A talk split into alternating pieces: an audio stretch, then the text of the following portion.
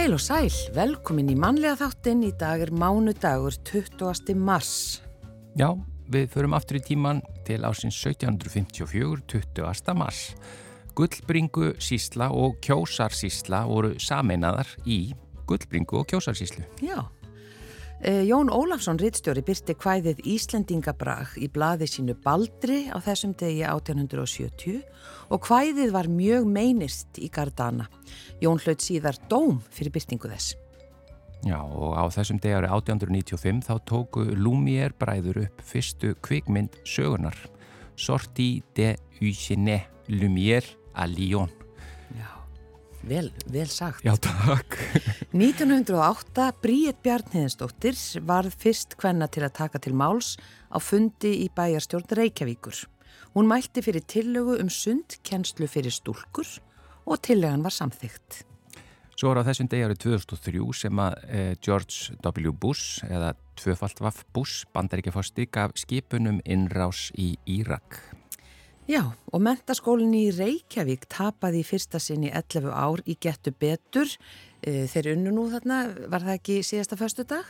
Á móti FSU, nákvæmlega. Þannig þeir eru, þeir unnu getu betur í ár. En skólinn á þeim tíma þarna, 2004 á þessum degi, beði lægri hlut gegn Borgarholtskóla í undanúslitum. Já, 11 ári röð bara ótapað. Já. Þetta er magna. Síðasta Karlkins, eða síðasti Karlkins norræni kvíti nasirningurinn lest í dýragarði í Kenya á þessum degi árið 2018 og þar með er svo undirtegund ólífanleg. Eldgós hófst við Faradalsfjall á Reykjaneskaga eh, á þessum degi 2021. Já, og yfir í efni þáttanins í dag. Eitt sterkasti grunnurinn að hamingju er að njóta góðs allætis og vináttu ævilangt. Þetta er vitað og í dag er alþjóðlegur dagur hamingjunar og af því til að nefnum við að forvitnast um Qigong. Qigong lífsorkuæfingar hafa verið stundaðar í Kína í um 5.000 ár og þær byggja á djúbri öndun, mjúkum og styrkjandi reyfingum e, og heilandi hugleislu og sagðar stöðulega að aukinni hamingju. Við ætlum að ræða við hann Þorvald Inga Jónsson sem lærið Qigong hjá Gunnari Ejólfsinni leikara og hann sest hérna hjá okkur eftir smá stund og vonandi verðum við öll uh, hamingjusamari á eftir Já. að einhverju leiti eða fáum til þess tóla tæki Já. til þess að verða hamingjusamari. Já, og það er mánudagur í dag og þá fáum við vingil frá Guðjóni Helga Ólafsinni og í þetta sinn ætlar hann að bera vingilin upp við magurt og feitt eins og hann segir og eitthvað mun Vilhjálmur Stefansson heimskautafari koma við sögu eða uh, koma inn í vingilin svo er að lesandi vikunar sem er í þetta sinn Þóra Kolbrá Sigurðardóttir Ritstjóri Matarvefs mbl.is við ætlum að fá að vita hvaða bækur hún hefur verið að lesa undanfarið og hvaða bækur og höfundar hafa haft mest áhrif á hana í gegnum tíðina. En við byrjum á tónlistinni, hér eru hljómar og lagið Er hann byrtist, lag eftir Gunnar Þórðarsson og textan gerði Þorstein Eggertsson.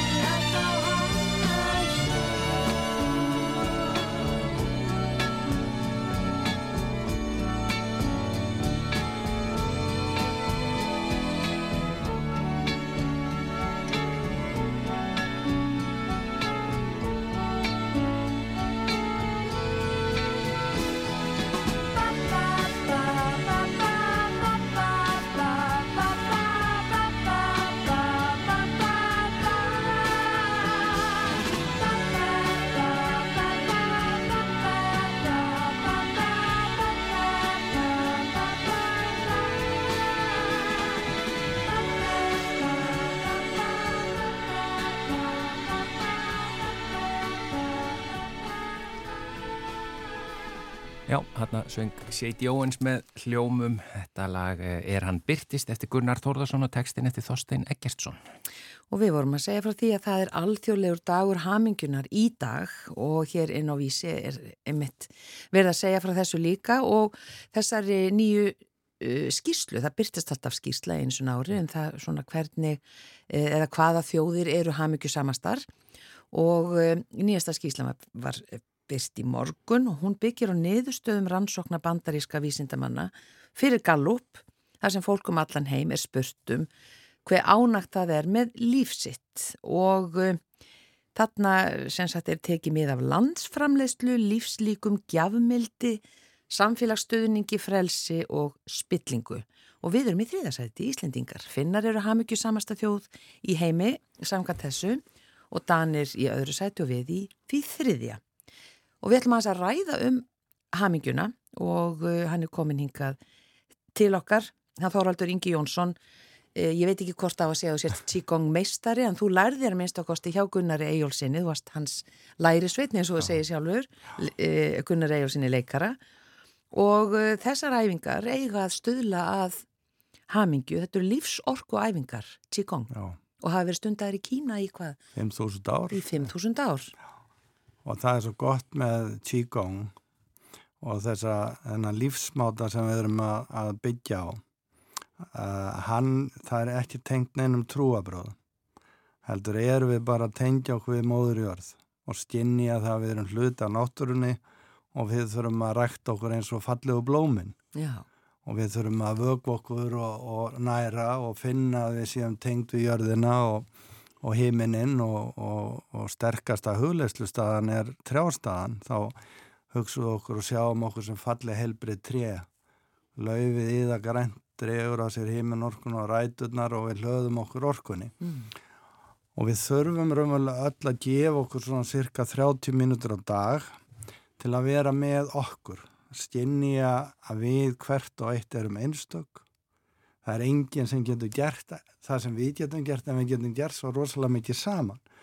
Og í þessum lífsmáta sem við erum að, að skapa að þá erum við að horfa til þess að hver mannestja hafi þennan styrk í sér til að geta staði með sér. Þetta sjálfsöryggi og maður opni vel á lungun sín og fyllir sér vegna þess að í lungunum þá ef við erum döpur og verður sorg í okkur og ótti þá öndum við grund og missum frá okkur orkuna þannig að æfingunum erum við að opna á það, við erum að fara inn í kroppin okkar tengja eh, orkuna við, við hjartað og sé brosi hjarta, hugur og hjarta sé að spila saman mm. og við séum svona kvetjandi og þú, maður finnir það og það er mjög skemmtilegt að það verður ekki að rannsóknarlega þegar við brosum að tilefnislausur fimm sinnum á dag það segir okkur bara við erum að hitta eitthvað fólk og segjum góðan daginn og, og svona fólk finnur að, að það er góðvild frá okkur að þá breytist okkar líf sjálft á 90 dögum. Við blómstur líka. Þannig að auðvitað er hluti af hamingjunni að geta gefið eins og einn spurningin hvað við varum gjafmild. Já og Íslandingar eru náttúrulega það í sjálfum sér en auðvitað er það umhugsunavert þetta meðaltal af einhverju. Því að það eru nokkur þúsund Íslandingar sem líður þannig að þeir þurfa að fara til virk eða sálfræðinga, gæðilegna og, og þú veist, er ekki að ná að blómstra. Og spurningin verður alltaf þessi sko, hvernig ætlum við sem mannestjur bæði að rækta okkur og styrkja og koma þannig fram að virðingu við alla. Og það á ekki að þurfa að vera búa til allsins hópa heldur eigum við hvert og eitt að fá að njóta okkar. Og við eigum líka að hafa þann styrk að ef einhver er að koma að okkur og okkur líkar ekki og það var okkur að það sem Gunnar saði mm. að hann bent alltaf á það að Jójó Tsíkong gengur út á að anda djúft og anda brosininn og hafa munvatni og allt þetta og anda frá sér óreinindunum, stressinu, hreyfa sig og fara í djúpa hugleislu, en það var líka alltaf bardaginn. Og bardaginn er umvel alltaf við okkur sjálf. Að við þorum að standa með okkur vera sönn, þorum að horfa í speilin og þetta er svo mikilvægt að hafa í huga þegar við erum að, að horfa á þetta vegna þess að þegar einhver kemur að okkur og, og, og mismunandi stöðutuna þetta hjá fólki hvað, hvað fólk þólir mm. að þá eigum við öll að vera búin að fá það uppeldi og, og svona styrk að við segjum ég kann ekki við þetta. Betur áhverju er þetta að gera þetta? Finnst þér þetta að vera uh, í lægi mm. og þannig að við getum þá rætt og, og það var eitt af því sem ég segi alltaf að amma minn sem var hætt 1900 hafi verið svona minn gúru í lífinu og ég segi ofta þess að sögu að, að, að, að ég kom með bróður minn í sveitina og hún var fætt 1900 og var nú búin að missa tvö sískinni af, af fjórum og fóraldra sína þegar hún var eitthvað tí ára. Og það er 1900 sko við, þetta er svo óbúslega breytt. En þegar ég kemur sveitina til ömmum jólin einhvern tíman þá horfi þá spyr amma og ég var með bróði mínu sem var tveimur árum eldri og amma sér valdi minn, fjárstun og ekki eitthvað fallegt frá honum finnst að bróðinum og ég, mamma, veistu, veistu það? Ég gaf honum miklu meira eldur en það gaf mér. Og þá horfið amma á mig og sagði valdi minn, myndi það í lífinu. Þegar þú gefur eitthvað og gefur það heilum og það kemur ykkur starf annar staða frá. Og það er þetta hugarfar líka sem við erum að rækta í Qigong að við mm. þórum raunverið að baktalið er svo létt en að, að tala við þann sem við teljum að sé ekki gera rétt að stundum eru við jafnvel að hugsa vittlust og, og við leiritum okkur sjálf. Allavega þurfum við að eiga fallegt samtal. Við eigum að þóla að hafa mismunandi sjóna með þeir ekki satt? Mm. Það er ekkit sérstaklega mikil tillit sem er til þess í dag. Nei og það er það sem maður óttast að, að svona hinn almenni maður eins og ég kannski tel mig vera þó að ég sé svolítið skrítin sem viðskipta fræðingar að vera eins og Qigong og, og, og því dæmi en, en þá er ég að segja líka og að tala náttúrulega inn í leiðdóafræðin að þegar við viljum fá fólk með okkur þá verður fólki að líða vel. Og við verðum að vera kvetjandi og styrkjandi og, og þannig að fólki langi til að gera betur. Alveg eins og þið þegar þið komið vinnun og þið er alltaf að leita einhverju uppbyggjulu efni eitthvað sem er mannlegt til þess að og ykkar þáttur geti lifað og, og, og fólki njóti að hlusta og læri og, og allt þetta mm. að því við þurfum svo mikið á því að halda að það sé jákvægt, að það sé brosa en auðvitað þurfum að taka á erfiðan hlutum og við segjum í Qigong mm. í, í því sem við erum að rækta þar að við lendum öll í áföllum En við þurfum að, að hlaða okkur orkunni, vera jákvæð, vera sem lengst og mest í paradís en eiga þá orkunna til til að takast á við raunveruleg vandamál. Ekki vera búin að vera eið og það er það sem kvíðin gerir, mm. að þá er maður endalst að hugsa um eitthvað sem hugsanlega geti gert og verum að eiða orkunni, dreinin út. Og í tíkongfræðunum er kvíðin hans sest að í kringum nýrun og þar er það adrenalínu. Við eigum að vera hrætt þegar við erum að keira bíl í snjó. En þegar við komum heima þá bara ah, kaffibodlin og við slökum. Mm. en ef við höldum áfram að vera kvíðin og þórum kannski ekki að fara út að keira næsta dag því að gæti nú farið að snjóa sko eða eitthvað að þá er það farið að dreina sig og þá er það orkutappið. Og það er skýringin á raunverulega þessari kulnu sem mann lenda í að, að þá allt í hennu, eins og fólk segir ég vaknaði morgunin og bara það var engin orka til. Já, akkurat, það er þetta orkuleysi. En út af hvað ganga þessar æfingar? Er þetta, þú hérna, talar um djúpa, djúpa öndun, og, en það eru einhverja reyfingar í þessu líka. Já, við til dæmis í hugleislunni þá, og, og við, sko, grunnurinn að því að fá heilun er að við náum að opna orkubrautunar. Þannig að líka minn, við erum að setja okkur næringu, en líka minn verður að vera opinn. Þannig að alveg svo með vatni sem fer í í fallegt, eh, sem sagt, lækurinn sem fer í fallegt vatn, það verður líka að vera opið hinum einn, þannig að það reynsist út. Þannig að jafn mikilvægt að setja í sig góða næringu og að reynsa út. Þannig að ef við erum með stressið í okkur og, og við náum ekki að opna orkubröðinar, þá er, getur verið stutt í veikendin. Þannig að við erum að opna orkubröðinar, gera það með þægilegum hætti mm. og svo fljúum við og við reyfum mjög mikið við vöðvonum í kringum axlir, brjóstin og losum um vöðabólguna. Vöðabólgan er mjög hættuleg Já, hérna og því að það þrengir að blóðrásinni til heilans og það getur haft svona innri megin og öll hugsunin í þessu er að styrkja okkur innafrá. Þannig að við stjennjum tilfinningarnar okkar líffærin og, og, og, og reyðin til dæmis hún kemur svo inn í livrina en þar viljum við hafa gjafmildi og í kringum magan þá er það brosiða ekki stress og tengt við hjartað og hugan og við erum að leggja mikla áherslu á því æfingunum sjálfum að þá erum við að hlaða okkur orku við erum að hlaða okkur kærleikanum og ást og gleði og hamingjunni við hugsaum ekkert í æfingunum sjálfum. Þegar við erum búin í æfingunum, þá opnum við á hugan og þá erum við einbeitt og einbeittum okkur og viljum höfum orku til að gera það sem okkur langar til. Mm. Er þetta þrísvar, hvað talum, þrísvar á þrísvar í, í viku? viku já, ja, 30 ja, mínútur í senn? Nei, þá við erum að tala um að þá erum við svona 40 mínútur að taka alla þessa rútinu mm. en svo er maður náttúrulega líka inn á milli bara anda þegar við sitjum, anda og tegja þess úr okkur Þannig að við segjum svona meðaltali 20-30 mínútur á dag Já. Og það þarf ekki endilega að vera tíkong en við þurfum bara hver mannestja vegna þess að, ytra áreitið er svo mikið og hjá unga fólkinu sem er með síman alveg stöðu, það er alltaf einhverju aðri sem er að gera flotta hluti og maður gleymir að minna sig á að við séum þessar einstökum mannestju sem við þurfum að rekta og styrkja þannig all, öll blómstrum og þá er eh, ríkir hamingja og við erum, hver, hvernig erum við glöðust? þegar allir í kringum okkur er að njóta sín Já. það er nóg pláss fyrir okkur öll og það er algjörlega og, og, og þess vegna er maður að segja þegar maður er búin að ná þessum innri styrk þá gerum við ráð fyrir að fólki sem er að koma að okkur að það sé líka gott.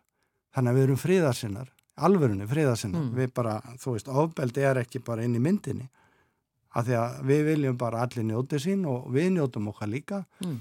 og, og þannig erum við að rækta upp þessa virðingu og manntjærleika og, og vera bara gefand og góðan mannustjur ekkert að flækja. Ekkert að flækja þetta, þetta var bara mjög gott innleg inn í þennan alþjóðlega dag hamingunar, Þorvaldur Já, Ingi Jónsson en má ég kannski minna það? Ef, ef fólk sko vil nú fara að kynna sér dagins þá Já, endilega. dætt mér að setja svona netnámskeið inn á, á TIX.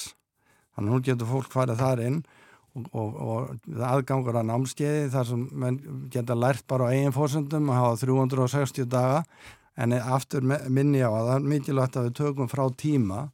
Og svo er ég náttúrulega með námstíð líka og ég er með litla síðu á, á bara á Facebookinu sem heitir Qigong lífsorka. Qigong er skrifað Q-I-G-O-N-G og, og endilega bara ef fólk vil kynna sér þessi fræðaðins að, að koma. Ég brenn fyrir því að minnst ástu 10% Íslendinga verði núna fljóðlega farnir að vita allavega hvað Qigong er og hvað það getur gert fyrir okkur. Og við sjálf að því að lífið er svo mikið í okkar hendi. Og ef það er eitt sem ég má segja bara til þess að, að þetta er allt svona röggrétt en maður horfið horfi til þess að frá foreldrum okkar fengum við 23 litninga frá kóru við byrjum sem einn fröma og svo fæðust við svona indisleg Gunnar og, og Guðrún eftir nýju mánuði og þá spyrir maður, byrjum, hvað eru upplýsingarnar um heilsun okkar? Nemi okkur sjálfum. Og þar að leiðandi er það að vera svo röggrétt að við þurfum að gefa okkur tíman til þess að sinna okkur sjálf. Það gerir þetta enginn fyrir okkur en, en það er líka, við brosum ekki meira og við njótum þess að þegar við gerum og erum að leggja það á okkur að labba, reyf okkur og anda og njóta. Mm. Kæra þakki fyrir komina í manlega þáttinn Þorvaldur Ingi Jónsson og eins og það sagir e, Qigong er skrifað K-I. Q-I Ég meina það, Q-I Gong, G-O-N-G Q-ið er sem sagt lífsorkan. Q-ið og Qigong er umvöla e, e, listin að draga að sér orkuna í náttúrunni á himnu og jörðu. Takk fyrir komina Takk ennilega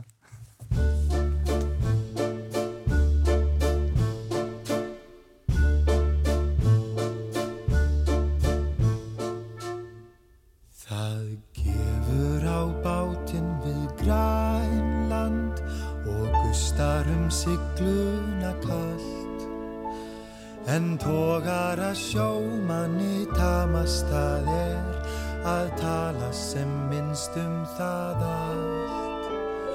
En fuggli sem flýgur í austur er fyllt yfir hafið með þrá. Og vestfyrskur jökull sem heilsar við hort í hylling með sólróðna brá.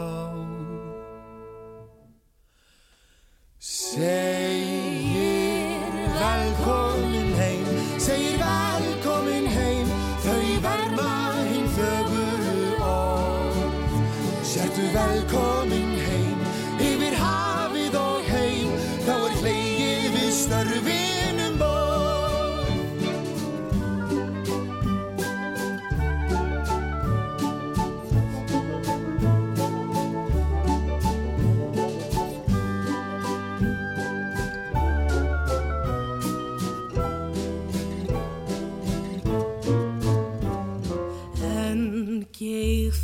er brimið við grænland og gista það kýs ekki neitt.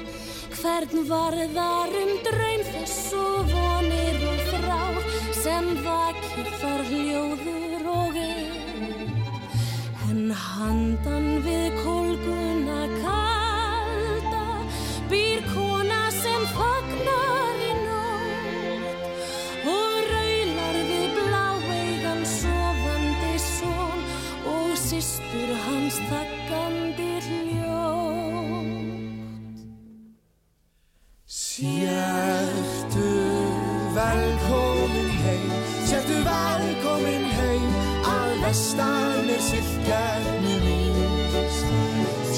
velkomin heim, yfir hafið og heim og horgar gútjúpinur ís.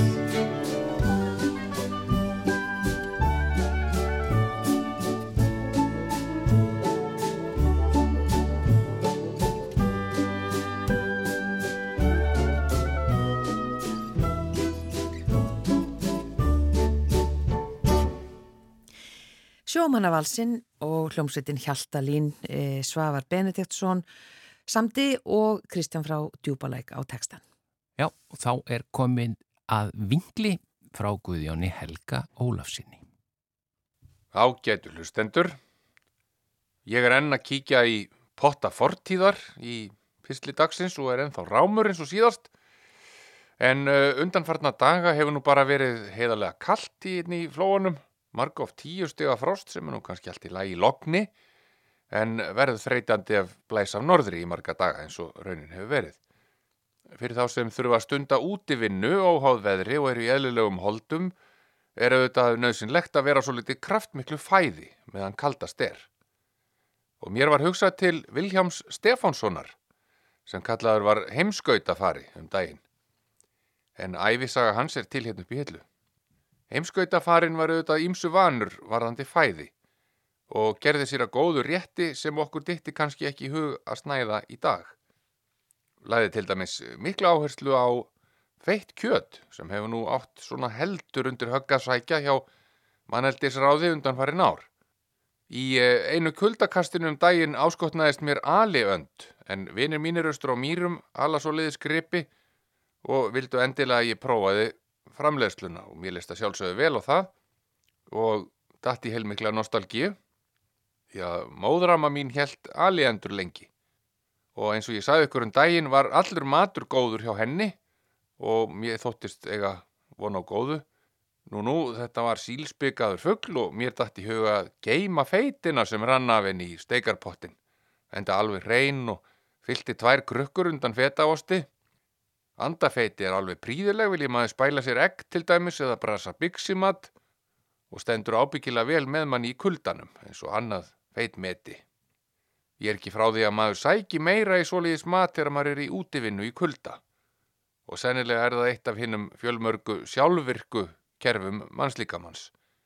Sá sem hér talar mætti reyndar alveg við því að renna svo litið og reynir þess vegna helst að láta sigur og brauð alveg í friði ef líka minn kallar á kraftmeira fæði. En beður hlustendur þess lengstra orða að fara alls ekki eftir ráðleggingum sínum um hilsukost. Fjöldi manns hefur lagt á sig langskólanám í þeim fræðum og miklu næra leggja við eirun þegar þau tjá sig um mataræði heldur en ég. En eftir að Vilhjálmi heimskauta fara, hann var mikill uppáhaldsmaður Íslendinga lengi vel, en það fóreldrar hans fætt hér og uppalinn. En þau ákváðu hins vegar að freysta gæfinar í Brasilíu árið 1875. Þar er að sög klít og gott og, og kaffið vex á trjánum, en örlaugin með hjálp Jóns Andersson, móður bróður Vilhjálms, höfuðu því hins vegar þannig að þau enduð á að byggja sér bjálkakofa fyrir fjölskylduna í þorpinu Árnesi á vesturbakka Winnipeg Vats í Kanada. Mikil flóð árið 1880 urðu hins vegar tveimur sískinum Vilhjálms að bana og fjölskylda hans fluttist búferðlum til Mountain í Dakota fylki í bandaríkjum Norður Ameríku. Fadir hans vildi frekar setja staði í fjallendinu þar en að eiga vona á samskonar hamförum og þau eruð að þóla í Kanada. Vilhjálmur átti erfiða æsku en komst fyrir harðvilgi til metorða og var frægur fyrir störf sín við mannfræðiransóknir og landkannun á norðurslóðum. Okkur Íslendingum finnst nú upphefði í að eiga þó ekki væri nema örlítinn bút af svoleiðis heimsfrægu fólki. Sjálfur er ég ekki alveg laus við slíkan hégóma og fletti Vilhjálmi Stefánsinni upp á Íslendingabók til að aðtú okkur að við væri nokkuð skildir. Og fann út að Ólafur Jónsson, langafi minn sem var bóndi á Miðlandi í Öksnadal og Vilhjálmur Stefánsson voru skildir í þriðja og fjóruða lið og líkum aldri fættir 1887 og 1889. En ólíkt höfðust þeir nú að frændurnir þó báður væru hæfileika menn. Við ætlum að skoða í potta en ekki raupa af langfrændum og á blaðsíðu 26 í æfisögu Vilhjáms er lítil frásögn af mataræði frumbyggjana við Red River í bandaríkunum og þeirra bræðra Jóhans og Vilhjáms er þeir voru við störf sem rekstrarmenn nautgripa. Tilvittun hefst. Í Pembínasíslu í norður Dakota var mataræði okkar og flestra granna okkar enginnandi fyrir landnema fjölskyldur. Ég tek fjölskyldu mína sem dæmi. Þess má geta í byrjun að við höfðum kýr og öflöðum aukatekna með smjörsölu og sömur granna okkar seldu einnig ost. Við notuðum mjölk í ríkum mæli, bæði til drikjar og í mat. Við átum mikinn havragraut með nýmjölk eða undanrennu. Einni var búið til skýr og borið fram með sigri og rjóma. Endur fyrir laungu var skýr etið um alla Evrópu en þekkist nú aðeins á Íslandi og í fyrrum norrænum héröðum Fraklands. Nýtt kjöt fengum við að sömarlægi af hænsnum og söðfje og að vetrarlægi fristum við stórgripakjött engum nöyt eða uksa en einni gamlar kýr sem aldar höfðu verið til slátrunar. Egg, engum liðinsóðin, átum við allan ársins ring. Í fyrstu, áður en við tókum að semja okkur að seðum landsmanna, átum við lítið af grænmeti og tiltölu að lítið af brauði. Ég man ekki betur en að við værum jafnan við bestu heilsu. Ein af ástæðunum fyrir því að Jói bróður minn tók að sér nautavörslu var svo að grannar okkar í Rauðárdal sem ekki voru af íslenskum ættum hófust handa um kornrækt.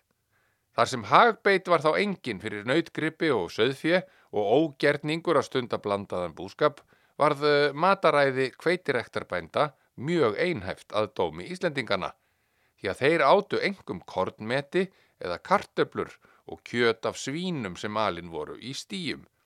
Svínin voru að mestu alin á úrgangi svínagresi eða soðnu byggi. Ég kynntist ekki þessu mataræði fyrir en ég varð kúreki. Mér brá í fyrstu við það en brátt fór mér að falla það vel og sá að þetta var skinsamlegt viður væri. Kjötmeti okkar var fyrst og fremst síðuflesk sem nefnt var gildustlög og dálítið af svínslæri. En annars var lítið um kjöt nema þegar við drápum stundum feitan vetrung til matar. Best fjell okkur við síðufleskið. Það var skorið í allþykka bita sem settir voru á rönd í stóran bröðpott og stektir þannig. Feitin var öll geimt og henni held eh, heitri yfir pönnukökurnar okkar. Við stungum sótakeksi í hana eða notuðum hana út á stektar karteflur. Við hlupum aldrei í spygg og okkur leið ágætlega.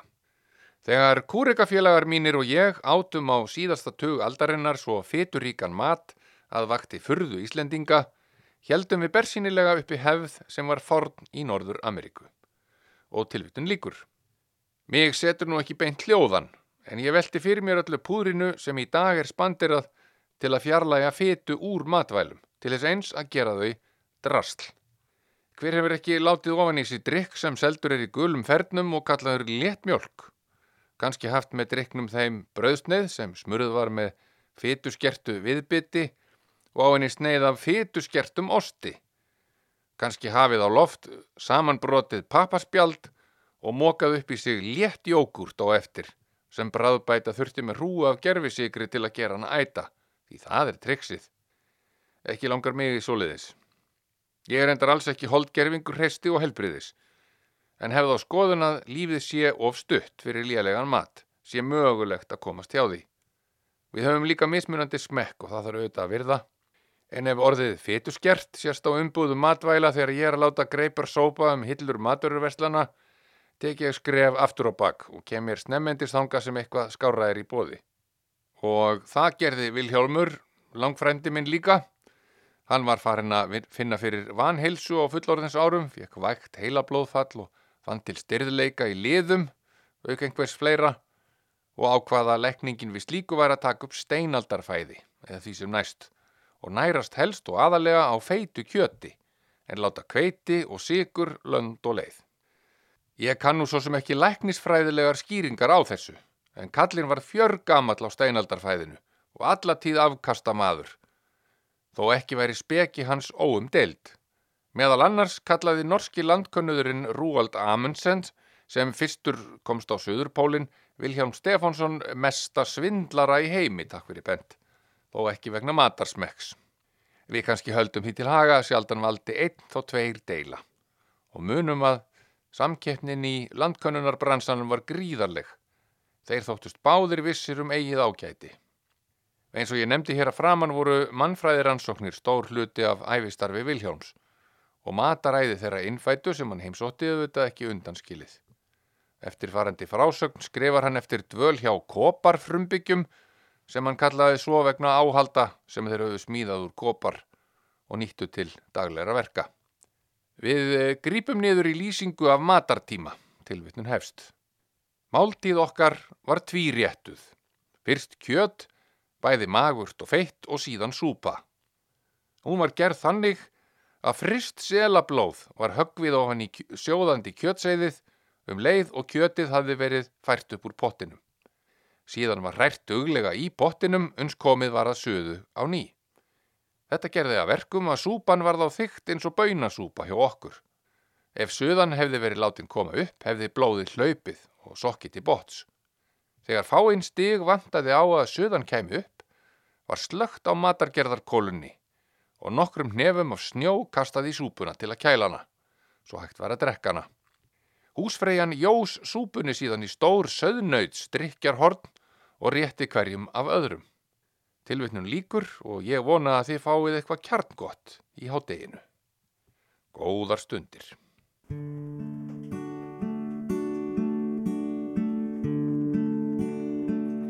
Hvert örstuðt spór var auðnu spór með þér Hvert andartak er tafðir þú hjá mér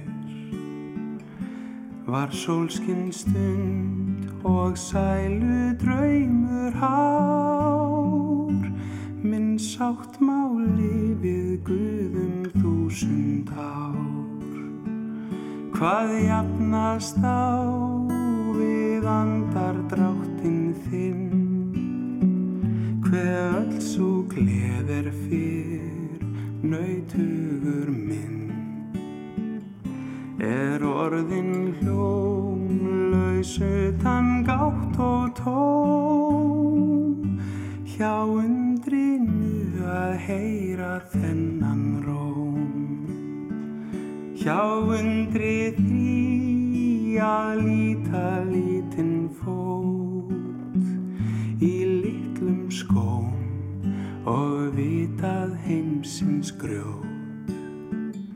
Svo hart og sárt er honum fjari enn og heimsins ráð sem brugga vondir menn.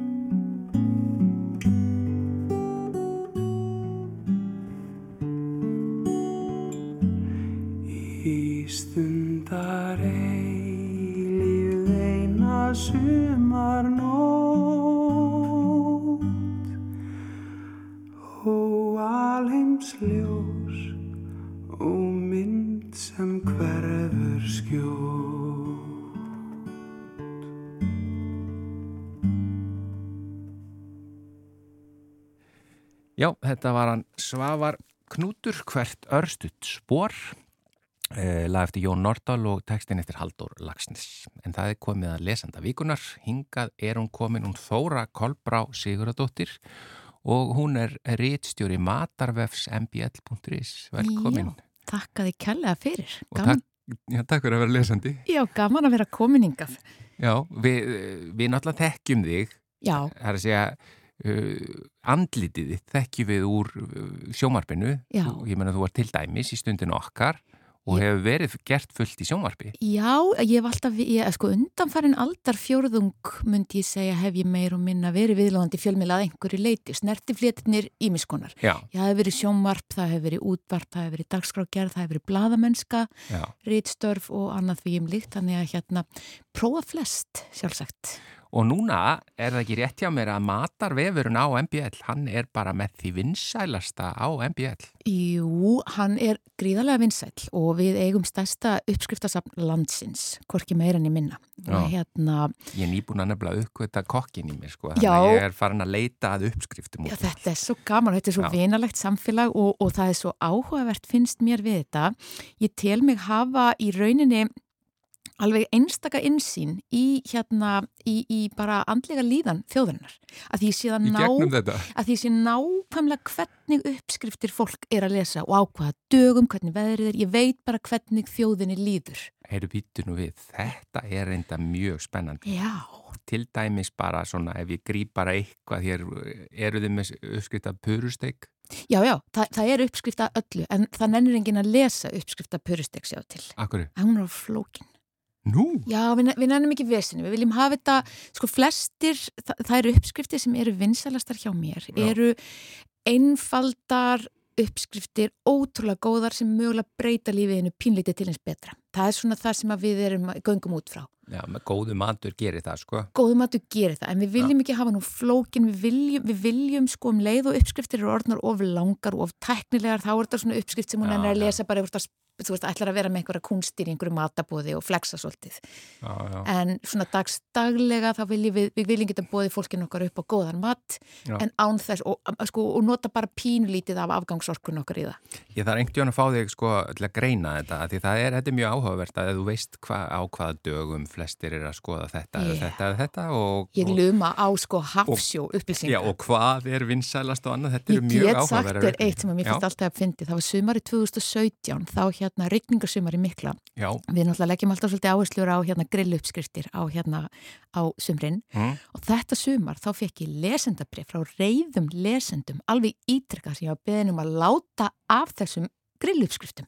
já, Bara hætta þessari vitlis og þá bjóði til nýjan flokk Já. sem hétur rigningaréttir.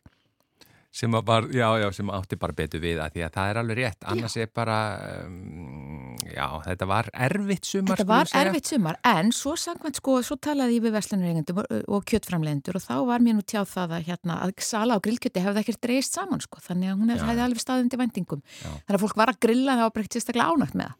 Já, maður verður að finna einhvern stað þar sem að maður fær ekki rigninguna beint á sig og onni í grillið og eitthvað svona.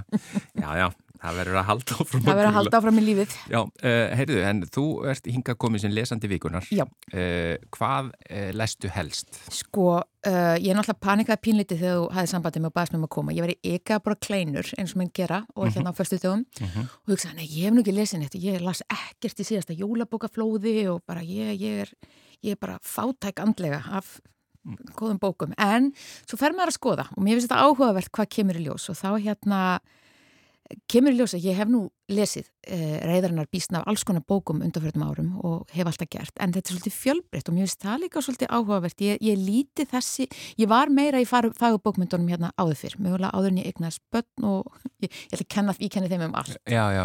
þá var ég meira í fagubókmyndum en ég hef svona, það hefur aðeins á, slaknað á því, ég ætla ég ekki að spara mér þær bækur til efri árana ég er óbúslega mikið í um, alls konar Já, þetta er, þetta er fjölbreytt, ég myndi segja og ég nota mismöndi aðferðir, þannig mm. ef ég svona summa þetta svolítið upp þá uh, er ég að lesa bók núna sem heitir Á vitins ókunna þetta er bók mm. frá 2012 og þetta eru æfiminningar hérna Erlendar Haraldssonar hann var professor, professor emeritus í hérna upp í háskóla, professor í sálfræði mm. stórmerkilegu maður hann hérna, og hann hafði svo mikinn áhuga á öllu hinu dullræna Já, já, já. Og hann fór af stað í klí, sko, að reyna að ná, að rannsaka þessi málefni á vísendarlegan hátt. Þannig að hann var að, að, hérna, mikið að stúdira miðla, hann var mikið að stúdira hérna, hvað gerist í lífi fólks þegar að deyja. Mm -hmm. Það eru svo öllu við... Það bara bókstaflega gerist þá, í, já, já, sem og, hægt er að skoða og mæla. Já, og hann var alltaf að reyna að koma einhverju vísinda, einhverjum, einhverjum, einhverjum, einhverjum hugtökum yfir þetta, sannit á einhvern, að þú setja einhvers konar mæli hverða þannig að þetta væri ekki alltaf bara skilgrend sem einhvers konar humbúk. Já. Þannig að það sem hann gerur, eiginlega einn merkilegasta tilunin sem að hann skrifar sér bók sem að kemur út í bandaríkjónum á samt, samstagsfélaga sínum. Já. Þessi bók er ennþá tilin á Amazon, hefur verið endur útgefin, hún var, var þýtta á 11 tungumál. Já. en þessi bók fjallar sagt, um loka mínuturnar í lífi fólks hva, og, og, og hvað byrtist þeim á þeirri stundu og þeir framkvæma þessa rannsóknir bæði bandaríkjónum held í Íslandi líka, Íslandi, bandaríkjónum og Indlandi, þeir vildu strika út eða sérst taka út trúalega þáttinn mm -hmm. en þeir vildu ekki bara verið í kristnum kristnulandi ef, ef, ef að trúabröðin skildu hafa áhrif á þetta, þannig að þeir farið til Indlands og rannsaka þar líka og þeir vildu þeir, þeir könnuð, sem sagt, þeir sem höfðu greindu frá því að hafa orði fyrir eða séð sjúklingar sína verða fyrir þessum hugrænum áhrifum mm -hmm. eða, mhm. eða telja sér sjá eitthvað. Það var kannad eh, livjamagnið hjá þeim hvort að, hvort að það væri einhvers konar ofskunina liv eða eitthvað mm -hmm. annað. Eh, þetta voru alltaf marktækar niðurstöður hjá þeim og kemur í ljós að það voru eitthvað í kringum, ég man ekki hvað var, 60% sem að tengdu við eitthvað, töldu sér verið að sjá eitthvað og í flestum tilfellum var það láti nættingi.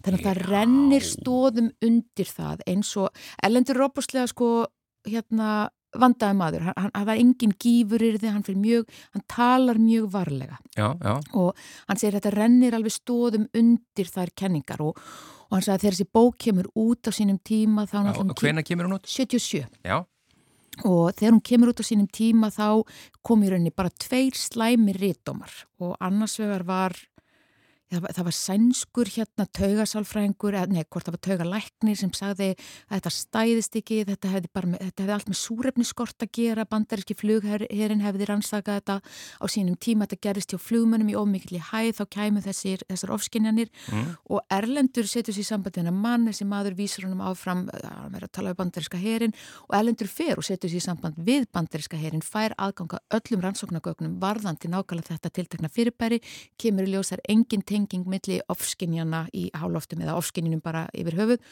og hérna, og hérna að það, þetta er, þetta er rosalega skemmtileg og það kallir stórmerkilur. Segðu aftur hvað bókin heitir. Heyrðu, uh, hérna, ég tók myndan á henni kom bara til Já. að vera með þetta hreinu. Uh, hún heitir Á vit hins ókunna á vit hins ókonar. Ég nefnilega held fyrst eh, að þú væri að fara, þetta væri maturslubók sem að, svona er, líður mér í eldhúsinu á já, vit hins ókonar. Þannig væri þetta ef ég var elda. Þannig það, það er það sjálfsæfislega heimans minns Já, emmi, þú ert, þú ert velgift Ég er velgift, þess að það er ekki að elda. Já. En þessi bóki mæli með henni og það var tengdapappi minn sem að lauma henni að mér. Stórmerkilegur maður En fær hún einhver, var, varpa hún bara fram fullt af spurningum eða finnst þér þú fá einhver svona alveg svör? Já, hann trúir þessu, hann trúir þessu, hann er líka segja frá hérna merkilegum íslenskum miðlum Já, Uh, en þetta í rauninni bara rennir stóðum undir að það er eitthvað handan, handan við líf. trúum öll á eitthvað svona þannig að þú veist það er svo við- gaman að tala um þetta við Íslandika því að þeir setja ekki neina spurning, spurningamerki við þetta Já, og já. þegar ég til dæmis eins og veist, Þetta ég, er nú heldur betur útbreytt trú, sko, að, að það sé einhvað uh, handan. já og þetta er svo, svo normalisera hér og ég man að ég fæ þessa bók hjá tengdapappa mínum þegar ég, ég kem til hans þegar mér vantaði frekar upplýsingar um álfabyggður á vestfjörðum Mm. Og hann var nú akkurat maðurinn til að spyrja út í það og hann bara, heyrðu, réttu mér þetta bók glugga í þessari bók. Og svo rétt hann mér einmitt þessa bók líka. Og sagði hérna, þú hefði gaman að því að glugga í þessari bók, svo tveim mánuðum setna var hann minn. Þannig að þetta var svona síðasta bókin sem hann lét mig fá. Já, já, En þetta er stórmerkileg bók og hún er í kaplaskipt, hann, hann þvældist mikið út um allan heim og hérna var lengi með hérna, uppreysnamunum kurta og hérna, hann hefur gert alls konar. já. Hún er kaplaskipt, hann er skemmtilegt að lesa hana. Erlendur Haraldsson á vitins ókunna. Já. Næsta bók? Næsta bók, sko, ég nota svolítið app sem Mm. að hérna, ég sá einhvern tíman auglýsingu á netinu að allt gáðast að fólk í heimi notar þetta app og ég sagði, ég er náttúrulega vil vera hluti af þeim Já, hópi. já. Þannig að þetta, þetta app heitir Blinkist.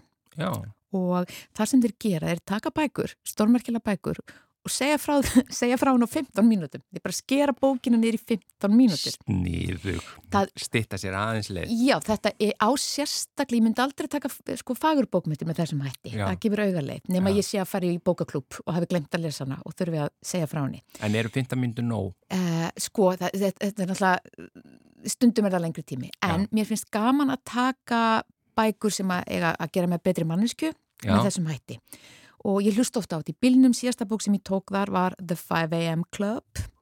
Já, sem að er hvað? Þú talar eins og ég eigi að vita hvað það er. Já, sko, þetta er, þetta er víst mjög fræg bók, skilst mér, en þetta, þetta er bók sem fjallar um uh, hvernig við getum, já, já, hvernig við getum bætt líf okkar með því að vakna klukkan 5 um mótnana. Já, ég ætla þá ekki að lesa hana. Nei, ég sé það á þér að það- þetta er ekki eins og til Við vorum að tala um fyrir útsendinguna hvað ég var erfitt með að vakna. Ég veit að þess að hugsa því til að þetta er ekki bók fyrir þig. Nei, en allt í lagi. En inntakið í henni er opaslega einfalt. Um, það sem hann er að meina með þessu höfundu bókarinnar er það að flest vöknum við, við erum strax farin af stað, við fyrir strax að bara morgumat, koma krökkunum út og svo fyrir við í vinnuna og við erum alltaf á svo miklu spani. Hausin á okkur, eða kollurinn, hann nær aldrei sér kvíld. Mm. Það sem að hann er að mælast til að við gerum er að við vöknum á undan hinnum, á undan í rauninni skarkalanum Mm. Og við fáum þarna tíma til þess að bara aðeins að setjast inn í sjálf okkur. Hann sjálfur vil nota 20 mínútur af klukkutíma í að lesa eitthvað sem að hérna, eh, eitthvað lífsbætandi, svo vil hann reyfast í 20 mínútur og svo vil hann huglega í 20 mínútur. Ég hef beitt þessu með öðrum hætti, ég vil meira bara fá að komast inn í sjálfa mig, ég tek oft, ég byrja oft vinnudaginn á þessum tíma því það er engin tröflun og það er í rauninu svolítið indaki. Þetta er þinn prívatími og þú ef á sérstaklega út kannski sjálfsagt starfandi eða meira svona í vinnu þar sem út ekki bundin klukkunni þá er þetta alveg þetta, þetta er frábær bók fyrir þá aðila. Fríður og ró. Fríður og ró, ég til dæmis uh, geri þetta, ég vinn alveg rosalega mikið á Vaknar klukkan 5 á mótana? 5 eða 6, Já. þú veist, þeir í stuði en Já. hérna kannski ekki alltaf, en Eftir hvern er þessi bók? herðu, ég get ekki eins og sagt þér að vegna þess að ég get farið inn í appi Já, já. en ég er svo lengi að því og ég er svo Ég finn það bara. Já, En sko, ég hef pínu áhuga því við erum að brenna inn á tíma Mhm. en, en þetta með þetta blinkist, e, það sem að, sem sagt, ef ég er að skilja rétt, þetta Mhm. er forrit sem að tekur það sem að alls konar fólk hefur bara komið með svona úrdrátt úr Já, hinum á þessum og bókum eða ekki alls konar fólk. Við erum að tala um Já. þetta er mjög vísindilega gert. Nú, já, já, það er alveg farið yfir hver, hver kapla bara í þessum kapla er talað um þetta, þetta, þetta svo er bara, þú veist, fara kannski 2, 3, 4, 5 mínútur í að útskýra nákala hvað kaplin er um og svo bara fara yfir í næsta. En svo er bók, bókin súmuð upp. Eins og þessi bók uh, sem þú talar um, sem að snertiði greinlega svona. Var bara nóg fyrir þig að hlusta á þessa umfyllun um hana. ég tel það, þú veist, Já. það tekið út svona rosa mikið persónlegum sögum, eitthvað svona jafl og jam og hum og ha. Þannig að þetta er ekki eins og að lesa bara á kjölinn, hérna, kjölfræðingarnir, sem, já, þetta er meira, dýbra aðeins, en ég, þetta hillar mig að stundum hefur maður bara ekki tíma í a- Jú, allt, og sko. stundum vantar er bara ákveðna þekkingu. Já, það er nefnilega líka, þú veist, það sem er það dásamlega við nútíman, ef maður vantar þessa þekkingu þá nær maður í hana heyrðu, við þurfum að fara aftur í tíman, mm. hvað, hvaða bækur og eða höfundar svona virkilega sitt í þér sem hafa haft mest áhrif á því gegnum tíðina? mm, sem bann þá var það Astrid Lindgren og Enid Blyton ég las Mhm. þær alveg ofbóðslega mikið og hérna svo á mínum svona unglingsárum eða, eða ungdómsárum þá var hún reyndar bara svolítið út um allt. Svo í setni tíð ætla ég að eiginlega, hérna, ég held að ég setja hana J.K. Rowling þar með Harry Potter Já, og sérstaklega af því að það gerðist svolítið dýrmætt inn á mínu heimili. Ég var sem sagt mikill Harry Potter aðdándi, bara frá því að bækunar kom út fyrst, horfði allar myndirnar, svo koma krakkarnir mínu til sögunar og ég horfa myndirnar með þeim. Svo vitum við hvernig þetta er með þessi ellendu áhrif og við viljum að börnin okkar læri góða íslensku og hlusti á góða íslensku. Þannig að ég fekk mér aðgangað hérna, Storytel og við tókum, við tókum heilt ári í þetta fjölskyldan. Þar sem að alltaf þau fórum í bílferðalög, þá hlustuðum við á Harry Potter. Þetta þurfti að vera lengri ferðalög og sérst á þessu ári, þetta er samanlagt heil vika af lesnuefni og eftir hverja bók þá var hort á bíómyndina og þetta urðu ótrúlega dýrmættar stundir hjá okkur. fjölskyldu stundir. Já, ég tók eftir að íslenskan breyttist hjá börnunum mínum. Jóhann Sigurðarsson fær mikið hrós fyrir þetta og þetta er svona, þetta er fjölskyldu minning, við munum alltaf eftir þessum tíma. Glæsilegt Þóra Kolbrá Sigurðardóttir Rítstjóri Matavefs mbl.is Takk hjálpa fyrir að vera lesandi vikunar í þetta sinn. Takk fyrir mig. Þá bara þættinum lokið. Við verðum hér auðvitað aftur á sama tíma á morgun þökkum innræðin fyrir samfélgina. Veriði sæl.